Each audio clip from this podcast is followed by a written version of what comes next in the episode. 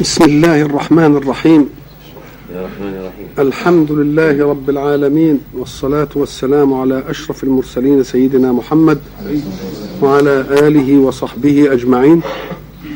وبعد فقد انتهينا في اللقاء السابق من خواطرنا حول قول الله سبحانه أعوذ بالله من الشيطان الرجيم.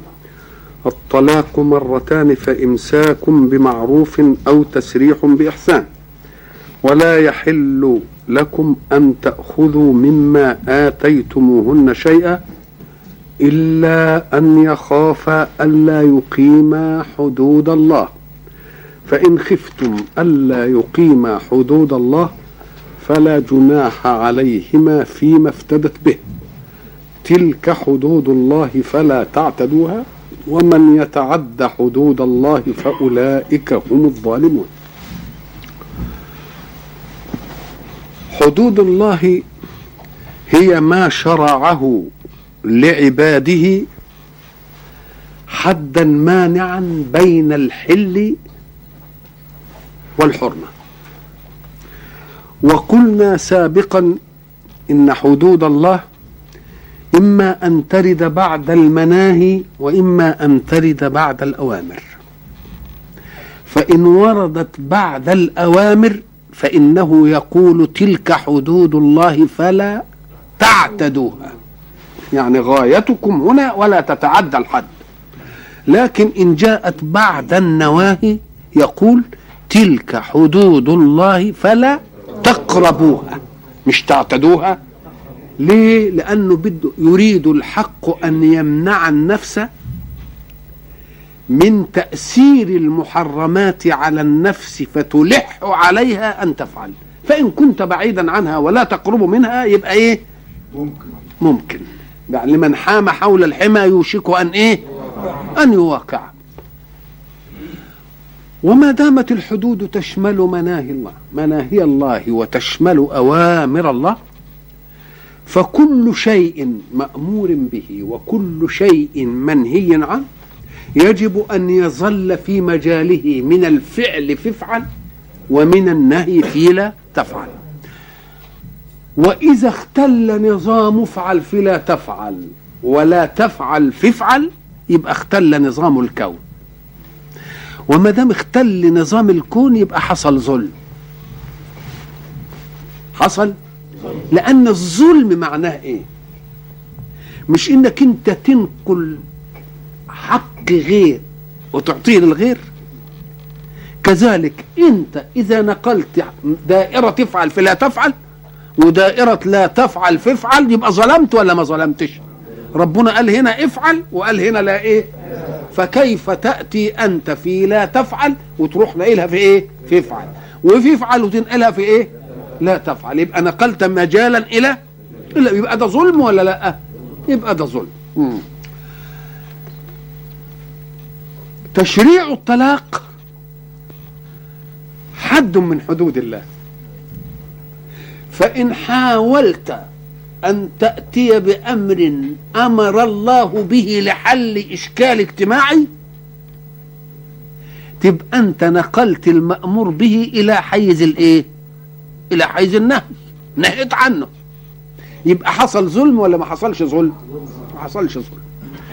حصل ظلم. حصل ظلم الحق سبحانه وتعالى حينما يعالج قضايا المجتمع يعالجها علاجا يمنع وقوع المجتمع في أدواء وآفات.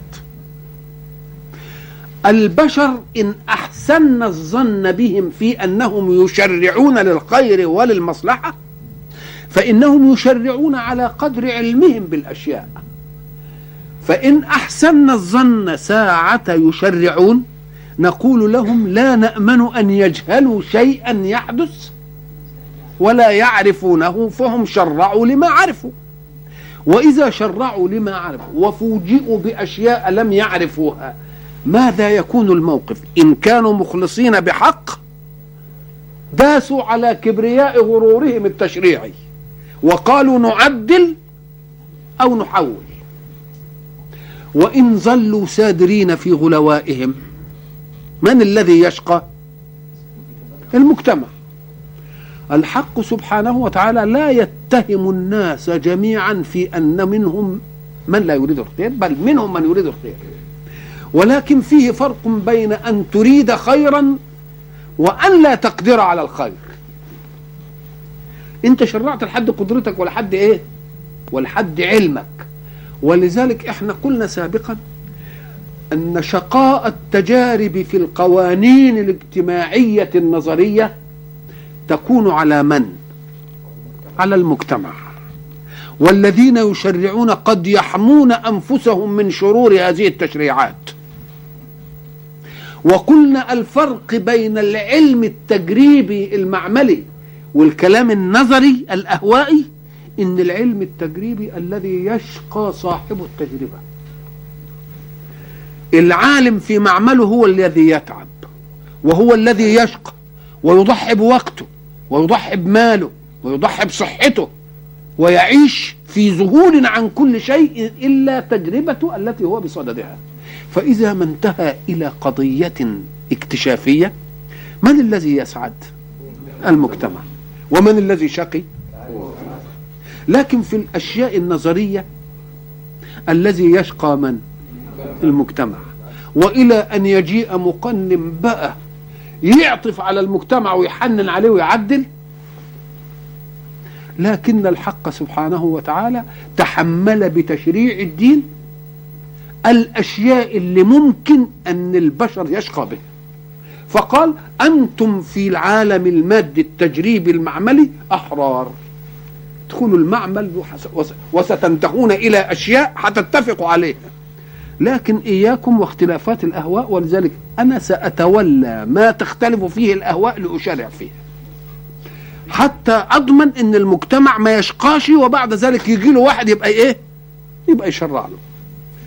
ولذلك نجد في كل ظرف من الظروف قضية أهوائية يتمسك الناس فيها بأهوائهم ثم تضغط عليهم الأحداث ضغطا لا يستطيعون أن يضعوا رأسهم في الرمال بل لا بد أن يواجهوها. فإذا ما واجهوها ليحلوا إشكالها نجد أنهم التقوا بنظرية الإسلام. التقوا بنظرية الإسلام. ولذلك قلنا إن الذين كانوا يقولون لنا أنتم تقولون هو الذي أرسل رسوله بالهدى ودين الإيه؟ الحق ليظهره على الدين إيه؟ مره على الدين ومره على الدين إيه؟ كله. ومره يقول ولو كره الكافرون ومره يقول ولو كره الإيه؟ المشركون ليظهره على الدين كله ولو كره. يقول لك يا اخويا الإسلام ما امتدش ولسه تزال فيه ناس كتير ما ولا ظهرش على الدين كله. يقول له أو يظهر على الدين كله بأن يؤمن الناس بالإسلام جميعا؟ لا.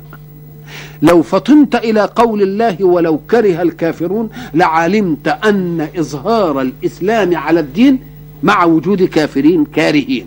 وما دام مع وجود كافرين كارهين يبقى مش هيظهر كدين. ولكنه يظهر عليهم أي يغلبهم كنظام يضطرون إليه ليحلوا مشاكل مجتمعهم آه كنظام ليحلوا إيه؟ فسيأخذونه وهم كارهون. وهم إيه؟ كارهون, كارهون. ولذلك بياخدوه على إنهم يحلوا مشاكلهم. يحلوا مش واخدينه كإيه وإلا لو كان هياخدوه كدين ما يقولش ولو كره الكافرون ولا لو ولا ولو كره الإيه لأنه خلاص ما دام ظهر على الدين كله وأصبح إسلاما يبقى لا. لا كاره من كافر ولا كاره من إيه لكن حين يقول ولو كره الكافرون ولو كره المشركون يعني اطمئن يا اطمئنوا يا من آمنتم بمحمد صلى الله عليه وسلم وأخذتم الإسلام دينا أن دينكم ستأتي تجارب الحياة لتثبت صدق الله في تقنينه لكم. وسيضطرون إلى كثير من قضايا إسلامكم ليأخذوها كنظام يحلون به مشاكلهم مع عنادهم في أن يكونوا دائما ضد الإسلام. وقلنا زمان إن إيطاليا اللي فيها الفاتيكان كانت الحملات على الإسلام لأنه أباح الطلاق اللي إحنا بصدده. ها؟ وبعد ذلك اضطروا إلى إيه؟ إلى أن يقننوا الطلاق. وأظن بالأمس في أسبانيا ابتدأوا يقننوا إيه؟ يقننوا الطلاق. يقننوا الطلاق بعد إيه؟ بعد ما كانوا يأخذون على الإسلام كيف يبيح الإسلام الطلاق؟ وبعد ذلك اضطرتهم ظروف الحياة وظروف المجتمع إلى أن يقننوا هم الطلاق تقنينا إيه؟ بشريا. مش تقنين إيه؟ مش تقنين ديني ولا دين إيه سوا. دي تبين لنا مدى ثقتنا في ديننا وأن مشاكل العالم لن يحلها إلا الإسلام. فإن لم يأخذوه كدين فسيضطرون إلى أخذه كنظام. و و و و و ومن شرف الإسلام إنهم كمان مش يأخذوه كدين لأن الذي يأخذه كدين أو يقول لك أنا بطبق ديني إنما يكون يبقى كاره الدين ولا هوش على الدين وبعدين ياخد من نظامه كده ويقنن به حياته ده ده آه شوف بقى آدي اللية. آه دي عظمة الإيه؟ عظمة الإسلام. لأن يمكن أنت بتطبق دينك عشان دين. نقول له لا ده هو مطبقه لأنه ما فيش فايدة إلا دي. ما فيش فايدة إلا إيه؟ إلا دي. يبقى اذا افهموا جيدا ولو كره الكافرون ولو كره الإيه؟ المشركون ويظهره حتى إذا ما ما جادلكم أحد في هذه المسألة فقولوا له إن شرف الإسلام أن يظل في الدنيا مشرك. وأن يظل في الدنيا إيه؟ كافر. ثم يرغمون ليحلوا مسائل اجتماعهم بقضايا الإسلام. والإسلام يفخر بأنه سبقهم من 14 قرن إلى ما يلهسون وراءه الآن بعد مضي هذا الإيه؟ هذا الزمن.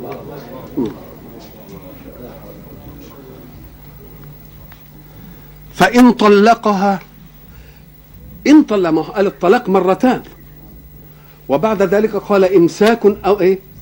أو تسريح. أهي تسريح ديا هي كلمة إيه؟ فإن طلقها. فإن طلقها فلا تحل له من بعد حتى تنكح زوجا غيره. المسألة بقى عايزة إيه؟ عايزة درس قاسي شوية الدرس القاسي شوية بأنه ما يمكنش يرجع إليها الأول قلنا في البينونة الصغرى ها؟ يرجع بمهر وإيه؟ وعقد جديدين. مفهوم؟ هنا بقى لا عايزين إيه؟ لا مش محلل بقى. هو ده الأول إحنا إحنا عايزين زوج. وإلا لو دخل على أنه محلل وهذا محلل له فهي حرام على الاثنين. ما تقولش أبدا محلل. ها آه. ليه؟ ان إن دخل بهذا يبقى ما تنفعش لده ولا إيه؟ ولا لده. نعم. فلا تحل له من بعد. حتى تنكح زوجا غيره نكاحا طبيعيا ساقت إليه الظروف وطلقها بالظروف. مش حاجة مترتبة. مش حاجة إيه؟ مترتبة. آه. حتى تنكح زوجا غيره فإن طلقها فلا جناح عليهما. يعني الزوج الآخر. فإن طلقها يعني طلاق عادي. طلاق إيه؟ فلا جناح عليهما أن يتراجعا. إن ظن أن يقيما حدود الله. يعني يغلب على الظن إن المسائل التي كانت مسار خلاف فيما مضى انتهينا منها وحصل بقى تعقل وحصل احترام المتبادل بين الاثنين نواحي النقص ونواحي الخلاف. وتلك حدود الله. يبينها إيه؟ لقوم يعلمون. وإذا طلقتم النساء فبلغن أجلهن. إذا اذا ما فيش وقت أظن لا. وإذا طلقتم النساء فبلغن أجلهن فأمسكوهن بمعروف أو سرحوهن بمعروف. إحنا نلاحظ إذا طلقتم النساء فبلغن أجلهن وهل إذا بلغ الأجل وانتهت العدة هل يوجد إمساك بمعروف أو تسريح بإحسان؟ ده لا يوجد إلا التسريح. لا يوجد إلا التسريح. لكن في ايات اللي بعدها هتيجي يقول وإذا طلقتم النساء فبلغن أجلهن فلا تعضلوهن أن ينكحن أزواجهن. الله إذ هنا إذا طلقتم النساء فبلغن أجلهن؟ وهنا برضو إيه؟ وإذا طلقتم النساء فبلغن أجلهن. ديك بيقول إيه؟ فأمسكوهن بمعروف أو سرحوهن بمعروف. والتانية بتقول إيه؟ لا تعضلوهن أن ينكحن أزواجهن. الله. إيه الحكاية دي؟ أم قال لك لأن البلوغ يأتي بمعنيين. البلوغ يأتي بمعنى المقاربة. يعني زي إذا قمتم إلى الصلاة فاغسلوا وجوهكم. هو أنت إذا قمتم إلى الصلاة بتغسل الوجه ولا إذا أردت القيام إلى الصلاة؟ قاربت القيام إلى الصلاة تيجي مثلا يلاحظ إن الإنسان لما يكون مثلا مسافر وبعدين جه مثلا عند بعد كفر الدوار بقى كده وسابها بشوية يقوم مثلا السواق أو اللي يقول لك إزاي الحمد لله على السلامة وصلنا اسكندرية بلغنا اسكندرية ولسه فين؟ لسه لسه ما وصلناش الإيه؟ اسكندرية يبقى مرة يطلق البلوغ على الإيه؟ على القرب ومرة يطلق البلوغ ويراد به الإيه؟ البلوغ الحقيقي هنا في الآية الأولى وإذا طلقتم النساء فبلغن أجلهن فأمسكوهن المطلق فأمسكوهن بإيه؟ أو. يبقى ما انتهتش العدة يبقى بلغن أجلهن يبقى لسه العدة ما انتهتش يبقى قاربنا أن إيه؟ قربا تتمكن منه أن تفعل ذلك أو ذلك يا تفعل ده يا تفعل ده يبقى شوف إزاي يبقى أنا عن عنده إن لا يمسك بمعروف يا يصرح بإحسان. يبقى القدر البلوغ اللي إذا ترك لك من البلوغ لل- للعدة هذا القدر الذي يبيح لك أو يسع أن تمسك أو تسرح يبقى قدر ضئيل ولا لا؟ يبقى قدر. إذا يريد أن يتمسك بأمر الإبقاء إلى آخر لحظة. هذه علة التعبير. يريد أن يتمسك بالإبقاء وأسبابه إلى إيه؟ أنتوا فاهمين ال ال ال وإذا طلقتم النساء هه فبلغن أجلهن. أجلهن يعني إيه؟ يعني العدة بتاعتهم. طب ما دام العدة جت أله أن يمسك أو يسرح؟ ده انتهت خلاص. مش كده؟ نقول له فبلغنا أي قاربنا البلوغ. وقاربنا البلوغ بدرجة تتسع لتصرف التسريح أو الإمساك. والتصرف التسريح والإمساك يجي في لحظة ولا لأ؟ يبقى معنى ذلك أن الله أراد أن يستبقي بهذا الأسلوب أسباب الالتقاء وعدم إيه؟ وعدم الانفصال. لآخر لحظة ولذلك يقول لك لآخر لحظة أريد منها كذا لآخر آه لآخر لحظة اهي هي دي. بقى يبقى اذا فبلغنا أجلهن يعني إيه؟ يعني قاربنا بلوغ الأجل. ولماذا عبر عن ذلك؟ قال لك لأنه يريد يبل أن ينبه إلى أنه يجب أن يتمسك باستبقاء الحياة الزوجية إلى آخر فرصة تتسع للتسريح وللإمساك. فرصة اللي تتسع للتسريح والإمساك هي إيه؟ هي لحظة نطق التسريح أو الإمساك. يبقى بلغ الأجل ولا لأ؟ والتانية بقى وإذا طلقتم النساء فبلغن أجلهن فلا تعضلوهن أن وهو أن الله سبحانه وتعالى يريد أن يجعل المسائل بين الزوج والزوجة مسائل لا تتعدى إلى غير الزوج والزوجة. ليه؟ ليه؟ لأن بين الزوج والزوجة أسباب. قد تجعل الواحد منهم يلين جانبه للآخر. إنما إذا دخل طرف ليست عنده هذه. يقوم ينبني فيه اللدد ولا يوجدش فيه المحوج يعني الأم مثلا الأب الأخ القريب من الزوج أو من الزوج أو إذا هيدخلوا في النزاع هيدخلوا في النزاع سيظل فيه لدد ولا عندهمش الحاجة إياه. طب هم بي بي بيلينوا البعض علشان المسائل اللي بينهم وبين بعض. مش كده ولا لا؟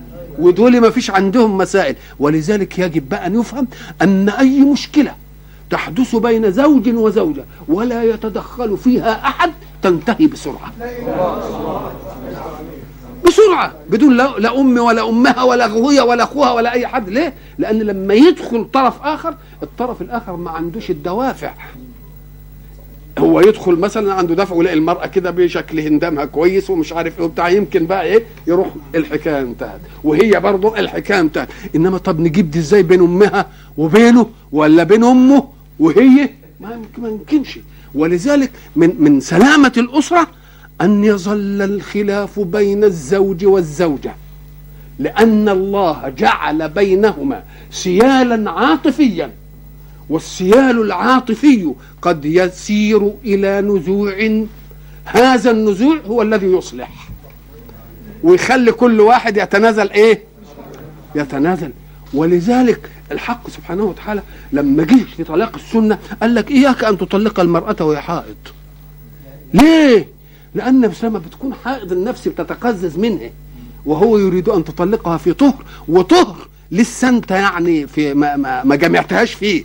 يبقى لسه يعني هي طهره ولسه ما جمعتهاش. يعني المسألة لسه عندك آه علشان ما تطلقهاش إلا وأنت في امتع ما تكون إليها إيه؟ امتع ما تكون إليها حاجة. يبقى اذا الحق سبحانه وتعالى يريد أن يحفظ الخلافات بين الزوج والزوجة في إطار الزوج والإيه؟ ليه؟ لأن فيه سيال يصلحهم. إنما إذا دخل أطراف أخرى السيال ده مش موجود. وهي يهمها إيه؟ امها ولا أمه؟ ها؟ ولا أبوها؟ ولا أبوه؟ ولا أخوه؟ ولا أخوه. مفهوم ولا لأ.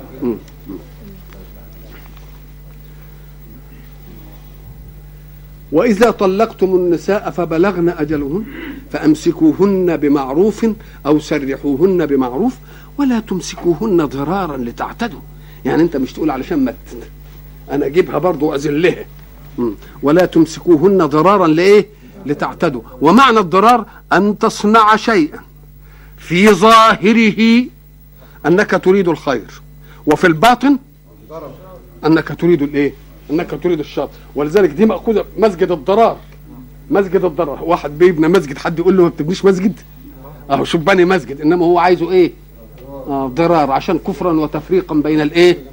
ما بين المؤمنين يبقى نقول له لا ده صحيح أهو ده إيه الضرار وأنت بقى في ظاهر الأمر إنك أنت إيه؟ تمسكها يعني تخليها يقول ما طلقتهاش أنا عايزها أنا عايزها على عايزها عشان ت إيه؟ آه عشان تذلها. ولذلك لا- ولا تمسكوهن ضرارا لتعتدوا ومن يفعل ذلك فقد ظلم نفسه إياك أن تظن أنك حين تعتدي ظلمت من اعتديت عليه ليه؟ لأنك حين تعتدي على إنسان جعلت ربه في جانبه يبقى أنت ظلمت نفسك ولا لأ؟ آه أنت اللي ظلمت نفسك نعم. ومن يفعل ذلك فقد ظلم نفسه خلاص ولا تتخذوا آيات الله إيه يعني خذوا نظام الله على أنه نظام جد بيحكم حركة الحياة. حكم ما فيش فيه لا مراوغة ولا مهادنة ولا تجنيح في أخيلة كذابة بل إيه؟ أمر وإيه أمر واقعي. نعم. واذكروا نعمة الله عليكم وما أنزل عليكم من الكتاب والحكمة يعظكم به. اذكروا نعمة الله عليكم. نعمة الله عليكم دي بيقولها لهم في معرض الطلاق والجواز والعملية دي كلها. ده معناه إنه بيقول انظروا أين كنتم قبل أن أشرع لكم ذلك التشريع. وأين كان حظ المرأة في الجاهلية قبل أن أشرع هذا التشريع. كانت حالتها صغيرة تتوئد مش كده؟ كبيرة تتذنب وتتعذب. إذا مات زوجها خلاص تت- تتنفي في حتة. إيه؟ مسألة بالم... وكالمتاع عندهم. وبعد ذلك بقى لها حقوق وبقى لها واجبات وبقى لها تقنين وبقى لها. فبيقول اذكروا كيف كانت حالتكم قبل أن يجيء الإيه؟ الإسلام. كان يجيء الإسلام الواحد يطلق ويرجع يطلق ويرجع يطلق ويرجع يطلق ويرجع. إن شاء الله ألف مرة. مسألة تبديدة بدون إيه؟ فجاء الإسلام فحسم الأمور حتى لا تكون المسألة هز ومسألة سخرية ومسألة ملهاش ضابط ومسألة ملهاش إيه؟ ملهاش قانون. اذكروا نعمة الله عليكم بالإسلام. طب أنتوا بتقننوا للأسرة بهذا التقنين الراقي اللي العالم كله عمال بيلهث علشان يصل إلى إيه؟ إلى مثله. وأنتوا كنتوا إيه؟ أمة شكلها إيه؟ طب ده أنتوا أمة ما كانش ليكوا لا ثقافة. ولا عندكم أي حاجة وكلمة القبيلة هي اللي موجودة ولا عندكم علم ولا عندكم أي حاجة. وبعد ذلك يجي كده النضج التشريعي ده يجي لكم كده. وبعد ذلك تنطروا هذا النضج التشريعي عشان ظلم الحضارات كلها يذوب أمام هذا النضج. وانتوا لا متحضرين ولا أي حاجة. مش تذكروا بقى انكم بقالكم بقالكم قيمة. أنتوا الآن كنتم زمام حركة الحياة. وما دام كنتم زمام حركة وأنتم ناس أميين. لو أن الإسلام جاء في أمة متحضرة يمكن قلنا قلنا قفزة حضارية. لا ما فيش يا اخويا نبي أمي وأمة إيه؟ وأمة أمية. أمال جابوا ده منين؟ أم قال لك كله علشان ما يبقاش من ثقافة البشر شيء. كله هابط من السماء. كله هابط من السماء. مش من ثقافة البشر. لو كانت أمة لها ثقافة نقول لا ده بقى ارتقاءات حضارية. نقول لا ولا حضارية ولا أي حاجة. ده المسألة. ولذلك ساعة ما نقول النبي الأمي أو الأمة الأمية هذا شرف لها. ليه؟ لأن حظها إن لم تكن أمية فثقافتها من بني جنسها. مش كده؟ عشان ما تبقاش أمية. لكن أمة أمية يعني اللي عندنا ده مش من عندنا. ده من فوق. يبقى إيه المسألة؟ تبقى أحسن ولا مش أحسن؟ يبقى ادي الأحسن. يبقى إذا الأمية فينا شرف ولا لأ؟ والأمية في رسولنا شرف ولا لأ؟ ليه؟ لأن غاية الأمية أن تحرم البشر ثقافة البشر. لكن كون أمي وجاب هذا كله دليل على إنه مش من هنا خالص. علم الإنسان ما لم إيه؟ ما لم يعلم. الله يفتح عليك. آه. ولا تمسكوا هنا وأن يفعل ذلك فقد ظلم نفسه ولا تتخذوا آيات الله واذكروا نعمة الله عليكم. وما أنزل عليكم من الكتاب اللي هو القرآن والحكمة وهي سنة رسول الله صلى الله عليه وسلم يعظكم به. واتقوا الله واعلموا أن الله بكل شيء عليم. إياكم أن تتهموا دينكم بأن الله فاته شيء من التشريع لكم. فكل تشريع جاهز عندنا لأن الله عليم بما تكون عليه الإيه؟ بما تكون عليه. فلا يستدرك كون الله في الواقع ما شرعه الله في إيه؟ في كتابه. لأن خالق الكون هو الله, هو الله ومنزل التشريع هو الله. وإذا طلقتم النساء فبلغن أجلهن. أهي بلغن أجلهن دي مش قاربنا بقى. انتهت العدة خالص. فلا تعضلوهن أن ينكحن أزواجهن إذا تراضوا بينهم بالمعروف.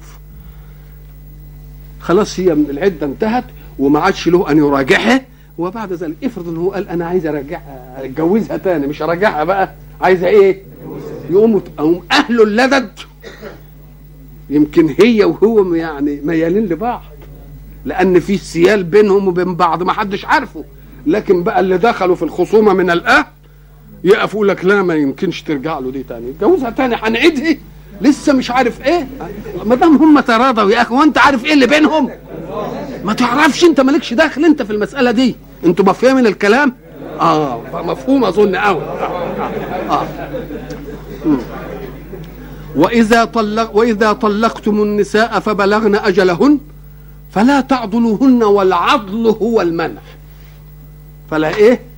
تعضلوهن. أن ينكحن أزواجهن اللي طلقوهم من الأول. يعني ما تبيتوش اللدد والخصومة. لأن إن بيتم اللدد والخصومة يبقى لم تجعلوا لتدرجات الطلاق بحكمة الله فائدة. ما هي فايدتها إيه؟ مش معنى ذلك اللي ما يصلحش من الأول ينصلح من الثاني. طب وأنت تمنع عليه إنهم يبقوا كويسين بعد كده بقى؟ أمال هو ربنا عامل لها ليه مراحل؟ أنت كنت هتقول لا ما تنفعش نقول والله إذا المراحل ما لهاش لازمة. كان يعملها بت من إيه؟ بت من أول مرة. يبقى معنى أنه جعلها مراحل إن هو إيه؟ الحق سبحانه وتعالى يعلم إن اللي ما يتهذبش بدي يتهذب بدي يتهذب بدي يتهذب بدي. فإذا ما انتهى إلى أنها انتهى الأجل وبعد ذلك يريد أن يتزوجها مرة ثانية ما تقولش لا ما تنفعش. وإلا ما كانش ربنا يعملها درجات بالشكل ده. فلا تعضلوهن أن ينكحن إيه؟ أزواجهن. هنا أن ينكحن وإحنا كنا هن قلنا هناك آه لا إيه؟ ولا تنكحوا هنا إن ينكحن نسب النكاح لمين؟ للمرأة. آه للنسوة هنا. إذا تراضوا بينهم بالمعروف وما دام تراضوا يا أخي بينهم بالمعروف يبقى أنت مالك أنت يا أخي. ذلك يوعظ به من كان منكم يؤمن بالله واليوم الآخر. كلمة شوف بقى. فلا تعضلوهن أن ينكحن. من الذي يعضل؟ الكلام لأولياء الأمور. أو لكل مؤمن. ومؤمنة لأن الإيمان جعل الناس كلها إيه؟ إخوة واحدة. يعني برضو أهل الحل أهل العقد أهل المشورة أعيان الحتة. لازم يقفوا في في المسائل دي. آه. ذلكم يوعظ به من كان يؤمن بالله واليوم الآخر. ذلكم أزكى لكم. شوف بقى كلمة وأطهر ديا تلفتنا لفتة. اوعى لما تميل المرأة على إنها تتجوز الراجل اللي طلقها وزعلكم وعملتم بينهم وبين بعض قضايا وبعدين بلغت العدة وبعدين حبوا ويرجعوا لبعض تقفوا الوقفة دي وتقولوا لأ. والله يعلم وأنتم لا تعلمون. الله. الله. شوف بقى شوف جاية إزاي زي الحلاوة. والله يعلم. شوف بقى تقولها تقولها كده.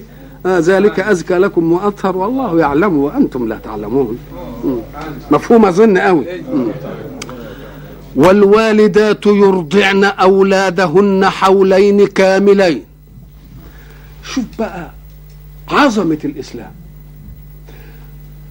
يتكلم عن الوالدات هنا يرضعن أولادهن بعد عملية الطلاق.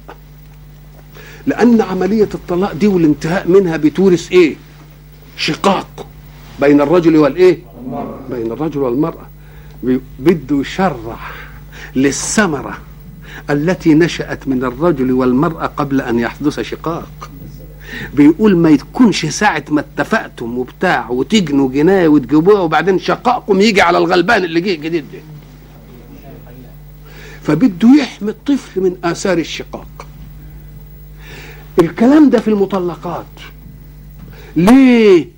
قال لك لأنه هيجي يقول والوالدات يرضعن أولادهن حولين كاملين لمن أراد أن يتم الرضاعه وعلى المولود له رزقهن وكسوتهن. ما دام بيقول رزقهن وكسوتهن تبقى مش عايشة وياه لأنها أصلها لو عايشة وياه كان يبقى ده بالزوجية هتاخد الرزق والكسوة وكل حاجة. يا يبقى أكن إيه بيفرض عليها الشيء اللي هي ما كانتش تستحق لولا الرضاع. لو كانت هي الزوجة ما هو بعضهم يقول لك لا ده دي للزوجات عموما. يقول له ده لما تكون للزوجات للزوجات المطلقات دي يعني يبقى تبقى إيه؟ تبقى أدق في التشريع. لانها أصلا لما يكون في اتفاق تبقى المسألة إيه؟ المسألة طبيعية. مسألة إيه؟ وبعد ذلك شوف بقى شوف الدقة. والوالدات يرضعن أولادهن حولين كاملين. برضو كلام خبري. ما قالش يا والدات أرضعن أمر. والأمر عرضة أن يطاع وأن يعصى. ولكن الله أظهر القضية في قضية خبرية على أن هذا أمر وإيه واقع وطبيعي ولا يخالف. والوالدات يرضعن إيه؟ أولادهن حولين كاملين لمن أراد أن يتم الرضاعة. وعلى المولود له يا سلام على الدقة. ما قالش ما دام قال الوالدات ما كانش يقول الوالدين بقى والوالد؟ لا ده قال المولود له. عدل عن الوالد وجاب إيه؟ المولود له. بيقول له أنت اللي عليك بقى التبعات دي لأن المولود لك لن يحمل اسم أمه. الله الله يا سيدي. إنما ده حامل اسمك أنت. ده المرأة وعاء وإنما أمهات القوم أوعية إيه؟ مستحدث وللأحساب آباؤه. وما دام يبقى أنت اللي مولود ليك أنتوا الاثنين والدين صحيح. إنما هو مولود لمين؟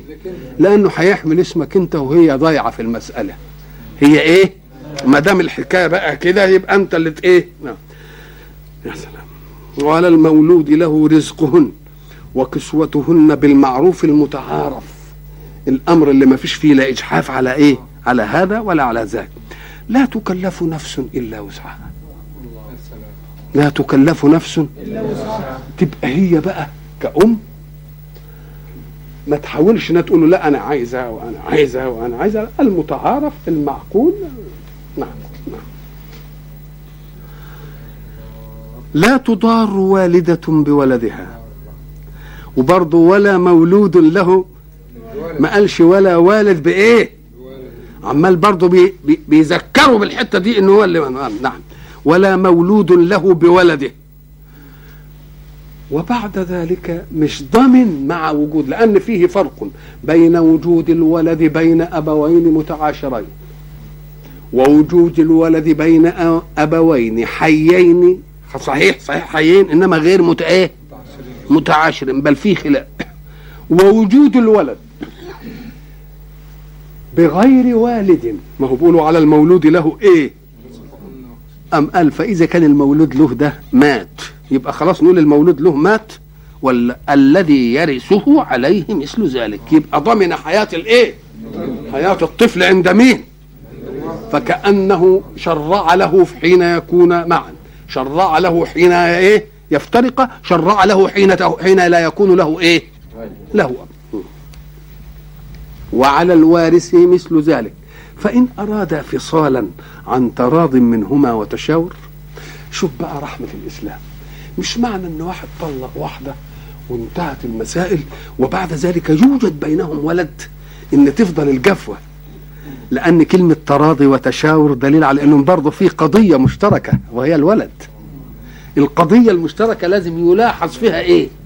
عاطفة الأمومة وعاطفة الأبوة. ونفضل إيه؟ حتى إن الولد ما ينشأش إيه؟ لما يفهم إن المختلفين دول اللي اتطلقوا من بعض وبعد ذلك عنده يلتقيان بالتشاور والتراضي في مسائله يوم إيه اللي يحصل؟ آه يبقى الاثنين يبقى الاثنين. يخلق الولد إيه؟ مثال. فاهم إن أمه قدرت ظرفه وأبوه قدر ظرفه ورغم وجود الإيه؟ الشقاق والخلاف فإنهم اتفقا على مصلحته وآثراها بتراض وإيه؟ متشاور مش ما نفهمش. لا ما تشوف ال ال الأب ما يشوفش الولد الولد ال الأم ما تشوفش. مسألة مش آه نعم. فإن أرادا فصالا عن تراض منهما وتشاور فلا جناح عليهما. الفصال يعني إيه؟ فصال يعني إحنا قلنا الوالدات يرضعن أولادهن حولين كاملين. الحق سبحانه وتعالى إعطى الفرصة قال ده لمن أراد أن يتم الرضاعة. إنما هب إن ظرف خاص خلانا نقلل. ظرف خاص خلانا نكتر. آه، أرادوا إن هم يفصلوه يعني يفتنوه. عن إيه؟ عن تراضي. فلا جناح عليهما. وإن أردتم أن تسترضعوا أولادكم تسترضعوا لأولاد يعني واحدة أخرى لأولادكم فلا جناح عليكم. إذا سلمتم ما آتيتم بالمعروف. لأنه حين وكل ال- ال- الولد ترضع أمه الحنان موجود. افرض إن الأم ما عندهاش القدرة أو ظرفها لا يسعفها الصحي على أنها ترضع هتسترضع. تجيب واحدة أنت مرضعة. يقول لك المرضعة دي أنت لن تستطيع أن تضع في صدرها قلب أم. يبقى لا أقل من أن تبلغ منها مبلغ الرضا عنك وعن وليدها وعن الوليد اللي بترضعه؟ بإنك أنت تدي لها إيه؟ ما يسخيها ويجعلها تقبل على إرضاعه بأمانة وعلى الإشراف عليه في مدة الرضاعة بصدق. هم. هم. أن تسترضعوا. وإن أردتم أن تسترضعوا أولادكم فلا جناح عليكم. إذا سلمتم ما آتيتم إيه؟ بالمعروف. واتقوا الله واعلموا أن الله بما تعملون بصير يعني من الممكن إنك أنت تدلس على المجتمع وساعة ما تشوف ابنك كده ولا اللي بترضع ابنك وتشوفها قدام الناس تدي لها شيء من الإيه؟ من الحفاوة ومن العناية والواقع غير إيه؟ يقول له لا أنت ما بتعاملش بقى المجتمع أنت بتعامل ربنا وربنا إيه؟ آه زي ما قلنا هناك والله يعلم وأنتم إيه؟ لا تعلمون والذين يتوفون منكم ويذرون أزواجا يتربصن بأنفسهن أربعة أشهر وعشرا ما دام اتكلم عن الطلاق واتكلم عن الإيه؟ العدة يريد أن يتكلم عن عدة المتوفى عنها إيه؟ المتوفى عنها زوجها. المتوفى عنها زوجها دي ادالها أربع أشهر وعشرة. اشمعنى دكة؟ اعتلها ثلاث قروء. والقروء يا أطهار يا أحياض المهم القرء والحيض الطهر والحيض بياخدوا شهر. بدليل إن الآيسة أو الصبية الصغيرة أعطاها ثلاث إيه؟ شهور. ثلاث شهور. نقول له يا أخي ال- ال- العدة في الأولانية دي كانت فراق اختياري هو اللي اختار لكن العملية في الوفاة دي آه عملية جبرية. يعني لا الزوج طلق ولا أي حاجة. يريد الحق سبحانه وتعالى أن يربب في النساء فضيلة الوفاء للعشرة. فضيلة الوفاء للعشرة دي من بس مش نستبرئ رحم. في العدة دي كانت نستبرئ رحم بس. ولذلك ادانا لها اللي هي مدة الأربع شهور اللي, اللي تصبر فيها. وما خلناهاش إيلاء برضه زودنا عشر أيام وفاء لحق الزوج الأول عليها.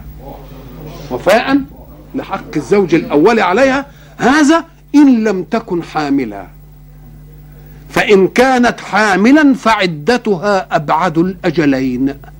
مش إنها حامل وولدت بعد شهر. لو ولدت بعد شهر في الطلاق كانت العدة انتهت. إنما في الوفاة نقول له لا. أيهما أكبر؟ يا الحمل يا أربعة أشهر وعشرة أيام. اللي أكتر تبقى هي إيه؟ العدة تبقى هي عدتها وإلى لقاء آخر إن شاء الله.